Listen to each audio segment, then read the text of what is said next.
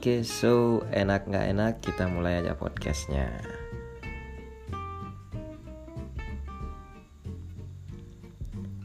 Halo teman-teman yang lagi dengerin podcast saya. Sebelum saya masuk ke topik pembahasan, saya mengenai antusiasme anak muda Bali kerja kawal pesiar. Izinkan saya memperkenalkan diri saya terlebih dahulu. Jadi nama saya Yoga Giriawan. Umur saya nggak usah disebut lah ya. Umur saya 27 tahun. Saya asli Bali. So, topik yang bakal kita bahas kali ini adalah antusiasme anak muda Bali yang ingin kerja ke kapal pesiar. Jadi saya bicara di sini bukan sebagai seorang expert ya. Cuman kebetulan saya sempat merasakan prosesnya dari ngelamar sampai kerja di kapal pesiar. Jadi intinya saya mau ngulik sambil sharing lah jadi kali ini saya bakal sampaikan materinya sendiri dulu. Mungkin di next episode-nya saya bakal undang beberapa temen yang juga kerja di kapal pesiar buat sharing pengalaman-pengalaman mereka selama kerja di kapal. Jadi ini bakal menarik banget buat didengerin. Jangan di close dulu, jangan ganti channel. Dengerin sampai habis guys. Thank you.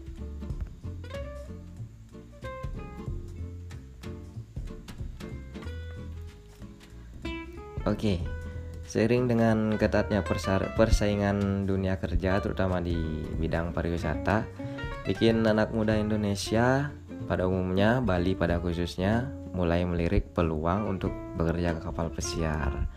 Ini bisa dilihat dari semakin banyaknya sekolah-sekolah pariwisata yang sudah mulai bermunculan di daerah Bali atau bahkan di luar Bali. Ini bisa dibilang menjadi indikasi bahwa minat orang-orang buat kerja di kapal itu udah mulai meningkat. Kalau kita bicara soal pegawai kapal pesiar dari Indonesia dan Bali pada khususnya, memang isinya bukan hanya anak muda baik yang baru lulus kuliah atau yang masih berusia di bawah 30 tahun atau ya semacamnya lah. Tapi banyak juga orang-orang dewasa yang sudah berkeluarga bahkan sudah mengabdikan diri bekerja di kapal pesiar selama kurang lebih 10 tahun atau bahkan lebih. Tapi pesona kapal pesiar kayaknya lebih dirasakan sama teman-teman yang masih muda banget nih zaman sekarang. Dari dengar berita bahwa gaji kerja di kapal tuh gede dapat jalan-jalan ke luar negeri pulang-pulang bisa beli mobil bahkan ada juga yang karena diajakin temennya dan masih banyak lagi hal yang menggoda anak-anak muda ini untuk terjun ke kapal pesiar. Tapi yang namanya kerja di kapal pesiar ya nggak melulu soal enak-enaknya aja. Sama kayak judul channel ini pasti ada enak dan nggak enaknya juga. Tapi saya nggak bakal bahas itu sekarang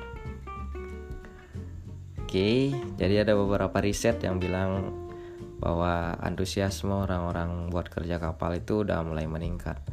Bahkan saya pernah baca di nusabali.com sebuah berita yang isinya jumlah tenaga kerja pelaut yang bekerja di kapal pesiar sampai saat ini menurut Dewa Susila sebanyak 22 ribu.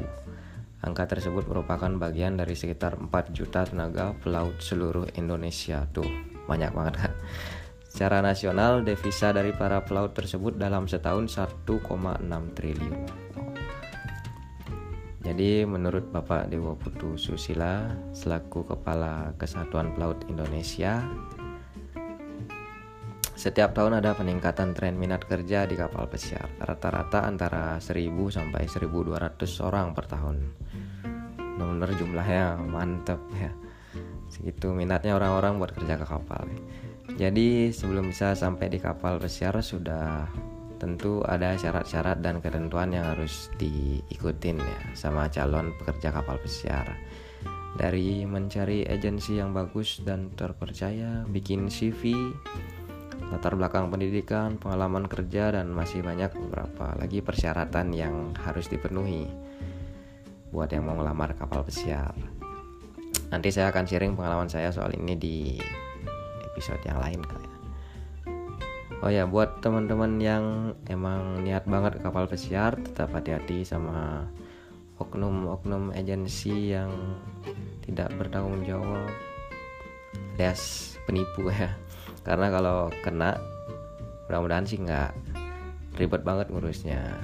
Saran saya mendingan pakai agensi yang memang sudah terbukti bisa memberangkatkan kru sampai ke kapal tujuan mereka meningkatnya minat anak muda Bali juga saya sadari ketika banyak anak-anak di lingkungan lingkungan jadi teman-teman saya gitu ya memilih untuk melanjutkan pendidikan ke sekolah menengah kejuruan SMK pariwisata lebih spesifiknya. Jadi waktu saya tanya kenapa milih lanjutin ke SMK kenapa nggak ke SMA jawabannya memang bervariasi. Ada yang bilang pengen punya skill ada yang bilang pengen bisa cepat-cepat kerja biar bisa punya uang sendiri. Ada juga yang bilang pengen bisa kerja di kapal pesiar atau di luar negeri ya. Menurut saya ini tren yang bagus dan positif ya. Soalnya kerja di Bali menurut pengalaman saya semakin susah zaman sekarang gitu. Banyak juga yang merasa nggak pede sama kemampuan bahasa Inggrisnya makanya nggak berani ngelamar kerja ke kapal. Memang ada beberapa departemen yang mengharuskan kita untuk fasih berbahasa Inggris tapi tidak semua departemen seperti itu seperti di kitchen contohnya nggak ada yang nuntut supaya cook di kapal tahu grammar bahasa Inggris yang penting sama-sama ngerti ya udah oke okay. beda cerita kalau pengen jadi pramusaji atau waiter kalau pengen jadi waiter kita harus tahu cara bicara dengan tamu atau penumpang kapal ya. Makanya diwajibkan punya bahasa Inggris yang lumayan jago lah. Jadi segitu dulu ya buat podcast pembuka episode 1 ini. Di next podcastnya saya bakal jelasin lebih spesifik lagi dari prosesnya sampai pengalaman saya selama kerja di kapal. Sekali lagi, saya bukan expert, cuma kebetulan saya pernah kerja di kapal pesiar dan senang banget bisa sharing pengalaman sama teman-teman semua. Thank you buat yang udah dengerin sampai habis podcast ini. See you guys. Mohon maaf kalau ada salah-salah kata. See you in next episode. Ciao. Enak nggak enak, tutup dulu podcastnya.